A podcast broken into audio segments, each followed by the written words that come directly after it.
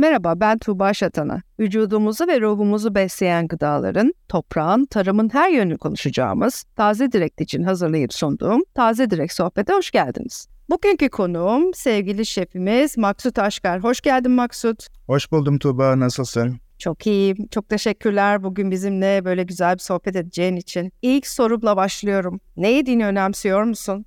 Elbette ne yediğimi önemsiyorum çünkü bedenimi önemsiyorum, doğayı önemsiyorum, mevsimselliği önemsiyorum, geleneklerimi, geçmişimi, mutfak tarihimi önemsiyorum. Ya, önemsiyorum yani Tuğba'cığım. Tam da buradan o zaman devam edelim. Mevsimsellik. Ee, bir şef olarak mevsimsellik neden önemli? Senin için neden önemli?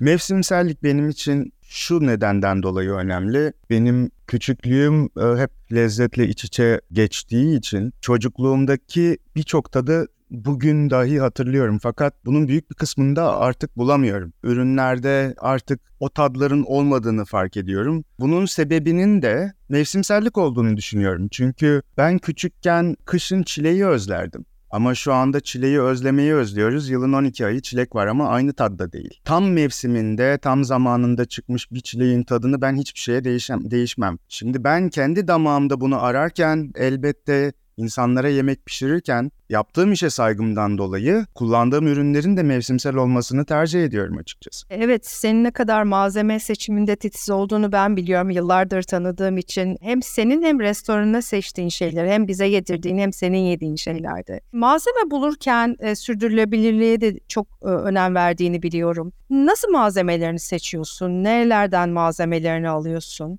Öncelikle birincil tercihim artık üretilmediği için yok olmaya yüz tutmuş ürünlerin peşinde koşmak oluyor. Çünkü bir şekilde bizim bunları hatırlayabilmemiz, hatırlatabilmemiz ve e, çoğalmasını sağlayabilmemiz gerekiyor. Bu yüzden de e, Anadolu'nun dört bir yanından bu tür ürünlere nasıl ulaşabiliriz ona bakıyoruz. Basit bir örnek verecek olursam bir süre önce Taşlıca'da e, Phoenix Antik Kenti'nde bir yemek e, yapacağım zaman oranın malzemelerini keşfi gittim ve ben daha önce açık ve net söylüyorum Gambilya baklasının kırılmamış halini görmemiştim. Ve kırılmamış bezelye gibi top hali o kadar lezzetliymiş ki bugün birazdan 12 kilo bana o Gambilya baklasının kırılmamış hali gelecek mesela. Benim için bunlar değerli Tuğbacığım. Ya bunun gibi birçok örnek var. Anadolu'nun dört bir yanında dolaştığınız zaman işte sizi evinize, evlerine misafir eden insanlar önünüze öyle bir malzeme koyuyor ki ya bunu nasıl bulabilirim diyorsunuz. Ya bunu biz üretiyoruz ama sadece kendimize üretiyoruz diyorlar. Çünkü aslında sa- satış değeri olmayan ürünler oluyor bunlar. Çünkü insanlar bilmiyor. İnsanlar artık daha fazla kar getirecek ürünler üretmeye çaba gösteriyor. Bu yüzden de biz mümkün mertebe bu tür ürünlerin çiftçiler, köylüler tarafından üretilmesini sağlamaya çaba gösteriyoruz. Ee, yine bir örnek vereyim. Örneğin Üç Elma Doğal Tarım'dan Hüseyin abi, Hüseyin Genç üveyik buğdayı yetiştiriyor. Ve bu üveyik buğdayını yetiştirirken Japon Masanobu Fukuoka'nın tekniğini alıp aslında ürünü toprağa, doğayı kutsayarak tohumlarını sadece serperek toprağa o şekilde ürünü topluyor.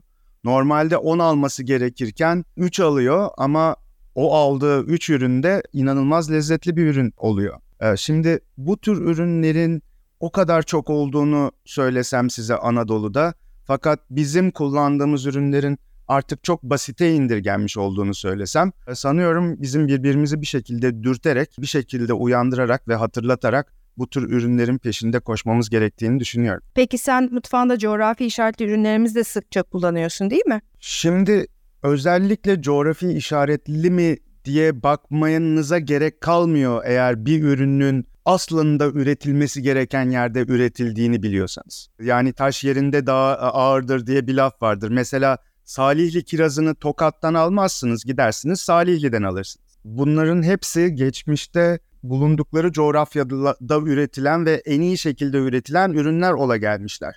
O noktada illaki coğrafi konumunu işaretlemek e, bir ürünün ne kadar doğrudurunu tartışmamak gerekir bir yandan. Çünkü coğrafi işaretin bize kılavuzluğu çok önemli. Gerçekten evet bu sarımsak Taşköprü'de yetişir diyebiliyorsa bana benim de tam aslında peşinde koştuğum şey de bu oluyor. Bir şefin kendi tarzını, kendi yolunu yaratması sence nereden geçiyor? Nereden başladın? Aslında şimdi her şef altında çalıştığı bir şefin mutfaktaki karakteristik özelliğine göre bir eğitim e, sisteminden geçiyor. Bunu hep biliriz, duyarız. Şu şefin ekolünden, bu şefin ekolünden ya da bu okulun ek- ekolünden diye. Benim sanıyorum bana göre avantaj olarak geliyor. En büyük e, avantajım başka bir şefin altında hiç çalışmadım ben. Ben mutfakta kendi görüşümü, kendi sistemimi e, yıllar içinde oluşturdum ve ona göre hareket et. Benim için hiçbir zaman yaptığım iş iş değildi ama yaşam biçimi ola geldi her zaman ve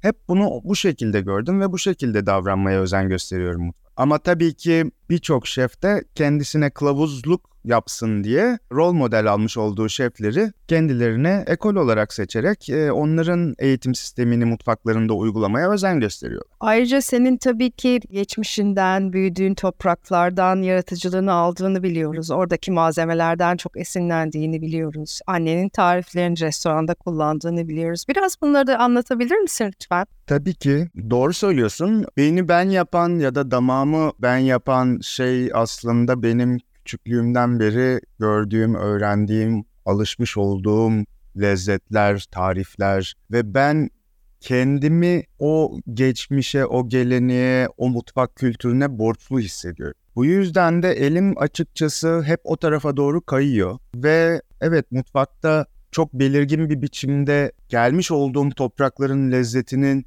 ne kadar baskın olduğunu da görebiliyorsunuz. Ama bir yandan da Tabii ki ben neolokalde bir yemeği tasarlarken hep çocukluk anılarından ve anne tariflerinden beslendiğim için sadece benim çocukluk anılarım ve anne tariflerim yeterli gelmiyor. Bu yüzden de tüm mutfaktaki ekip arkadaşlarımın da çocukluk anıları ya da anne tarifleri ya da bulundukları bölgeden aldıkları ilhamların üzerine de çalışmaya özen gösteriyoruz. Bu bizim için şu nedenden önemli. Biz neolokalde geleneklerimizi günümüzün koşullarına göre güncelleyerek tekrardan e, kimlik bulmalarını sağlamaya özen gösteriyoruz. Dolayısıyla bizim geleneklerimizi iyi tanıyabilmemiz ve tanımlayabilmemiz gerekiyor. Ben en iyi bildiğim şeyi yaparak aslında herhalde daha konforlu ve daha rahat hissediyorum diye düşünüyorum. Bir yandan da bunu da kendime eleştiri olarak alabilirim elbet. Peki neolokal bundan sonra bu şekilde mi devam edecek? Sizin reçeteleriniz, bir imece usulü çıkarttığınız ve bunları fine dining şeklinde yorumladığınız tabaklarla. Aslında bizim neolokalde yaptığımız şeyi tekrardan bir hatırlayalım istersen Tuğba. Biz evet geçmişin geleneksel tariflerini alıyoruz ve geçmişte geleneksel haliyle nasıl pişiyorsa bakır tencerede ya da neyde pişiyorsa aynı şekilde aynı tariflerle tariflere sadık kalarak pişirip sadece farklı bir kılığa büründürüyoruz aslında. Görsel bir hale dönüştürüyoruz. Biliyorsunuz anneler her zaman çala kaşık bol kepçe koyarlar yemekleri ve görünüşlerine çok önem vermezler çünkü lezzeti önemlidir. Biz de o lezzetin yanına bir yandan da biraz kılık kıyafet görünüş eklemiş oluyoruz. Neolokalde bu her zaman devam ediyor olacak çünkü zaten neolokalin olmaya çalıştığı şey bir genç aşçı dostlarımıza, arkadaşlarımıza bunun başarılabileceğini anlatmaya çalışmak. Aslında onlara bir rol model olmaya çalışmak ve belki de hani bizim mutfağımızın ekolünden geçen insanların da bir enstitü olarak kabul etmesini sağlamaya çalışmak neolokali. Çünkü bizim hedefimiz geçmişle gelecek arasında bir köprü oluşturabilmek. O köprüyü oluşturabilmek için de bunu yapmaya devam ediyor olacağız mutlulukla evet. Yeni şeflerin, gençlerin bizim mutfağımıza olan ilgisi sence her gün biraz daha artıyor mu? Ben öyle gözlemliyorum ama sizlerin sayesinde sizin gibi malzemeyi öne koyan Türkiye coğrafyası mutfağının ne kadar zengin ve ne kadar muhteşem olduğunu bir kere daha e, göz önüne koyarak hatta uluslararası arenada da bir sürü başarılar kazanarak bunu yaptığınız için. Ne diyorsun? Ben arttığını hissediyorum ama sen nasıl görüyorsun? Evet arttığını ben de görüyorum ve fark ediyorum. Bu çok çok da iyi hissettiriyor Tuğba. Çünkü zaten anlatmaya çalıştığımız, paylaşmaya çalıştığımız şey bu. Biz ancak kendi kimliğimizle kendimizi doğru anlatabiliriz. Fakat kimliğimizi de doğru tanımlayabilmek ve doğru öğrenebilmek gerekir fark ediyorum ki yeni nesil birçok şef arkadaşımız, genç arkadaşımız daha çok araştırıyor, daha çok bilgi ediniyor ve o geleneksel kültürü, mutfak kültürünü, tariflerini ifade edebilmenin yeni yeni yollarını arıyorlar. Şimdi ben bir İtalyan değilim ki İtalyandan daha iyi makarna yapayım. Elbette çok iyi bir çok iyi makarna yapabiliyor olurum ama iyi ya da kötü kopyasından öteye geçemem. Çünkü o İtalyan kültürünün makarnası. Fakat İtalyanı kopyalayacağıma neden annemi kopyalamayayım ki? Neden Anadolu'nun annelerini kopyalamayayım ki? Bence yavaş yavaş bu genç e, şef arkadaşlarımız da bunun farkına vararak aslında çok daha güvenli bir biçimde ve kendinden emin bir biçimde daha iyi yemek yapabileceklerini anladılar diye düşünüyorum ve doğru yolda ilerliyoruz hepimiz sanıyorum. Ben de öyle görüyorum ve inan çok da seviniyorum bu kadar araştıran, bulmaya, iyisini bulmaya çalışan, merak eden gençler oldukça, bulmaya da devam ettikçe. Peki yemek trendleriyle ilgili ne düşünüyorsun? Takip ediyoruz hep beraber tabii ki. Sence ne kadar önemli ve ikinci kısmı da sorunun Türkiye'de biz restoran sektöründe sence trendleri takip ediyor muyuz dünya trendlerini? Valla şimdi ben yemek trendi diye bir şeyin anlamsız olduğunu düşünüyorum Tuğba'cığım. Çünkü ha bu bu sene bu modaydı, seneye diğeri moda. Bunu kim belirliyor, nasıl belirliyor? İyi de kardeşim bu senin damağın, senin zevkin. Ne yemek istersen onu yersin. Ah bu trendmiş, bunu yiyeyim mi diyorsun. Hani bu nasıl işliyor bana biraz değişik ve garip geliyor aslında Tuğba. Bence bunu yemekte bu şekilde düşünüp adapte etmemeli hayata. İnsan dediğin sevdiği yemeği istediği zaman, istediği yerde, istediği şekilde yiyebiliyor olmalı.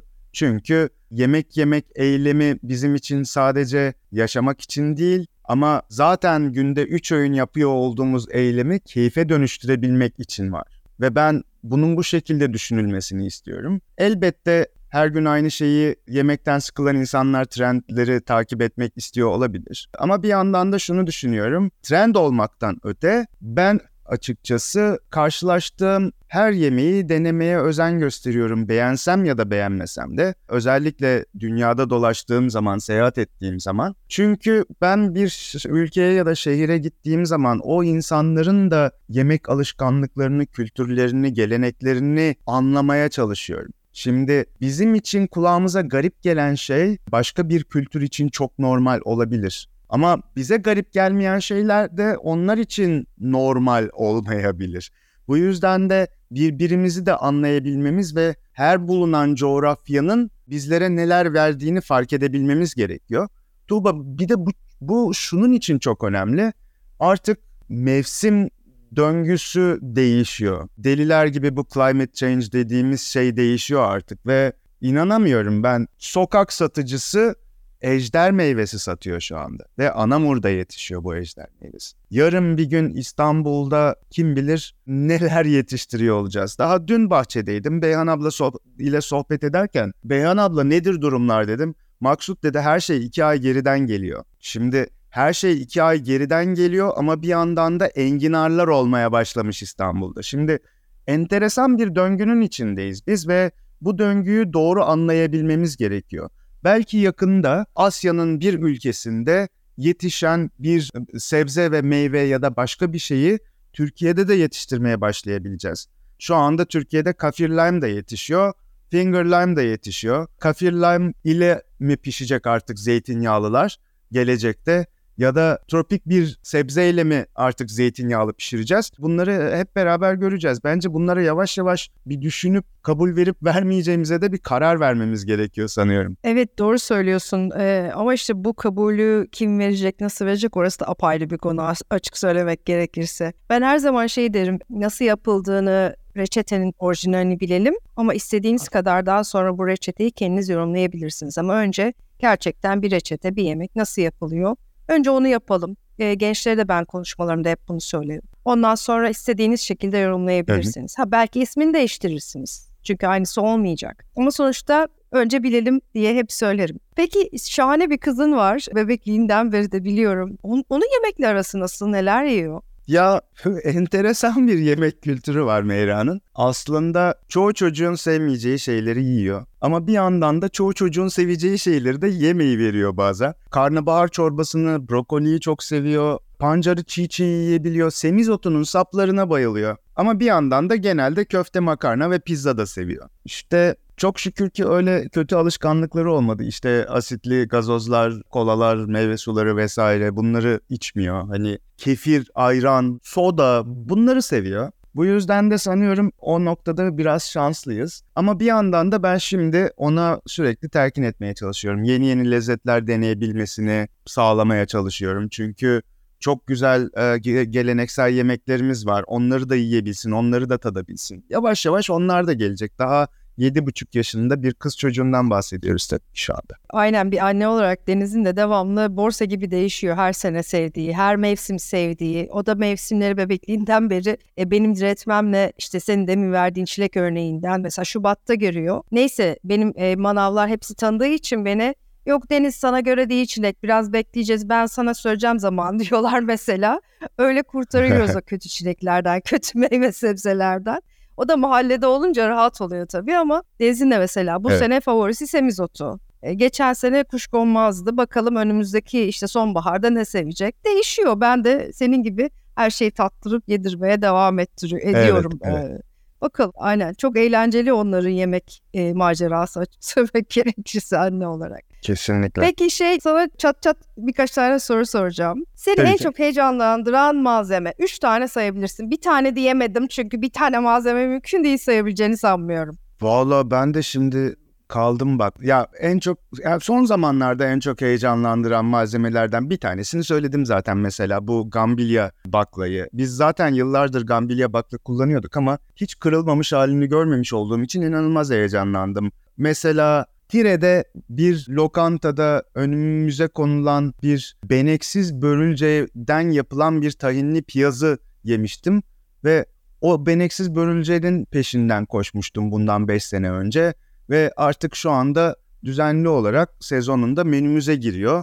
Mesela ondan çok heyecanlanıyorum çünkü inanılmaz lezzetli bir börülce ve yavaş yavaş daha fazla daha fazla da bulabilmeye başladık. Sanıyorum daha önce hiç görmemiş ya da denememiş olduğum ve nasıl daha önce görmem diye hayıflandığım ürünler beni heyecanlandırdı.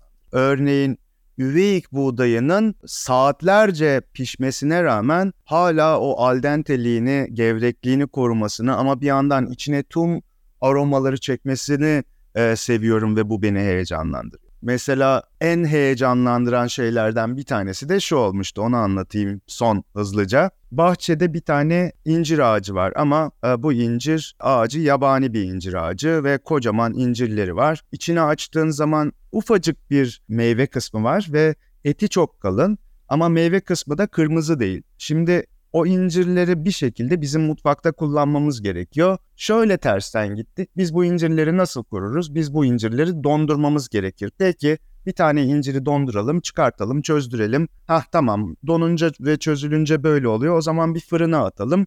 Tamam fırına attık, çıkarttık. Sonra bir tadına baktık. Tamam bunun üzerini biraz yakalım. Yaktık, tekrar tadına baktık. Tamam arkadaşlar incirden beğendi yapıyoruz. Tuğba anlatamam sana böyle bir beğendi yok.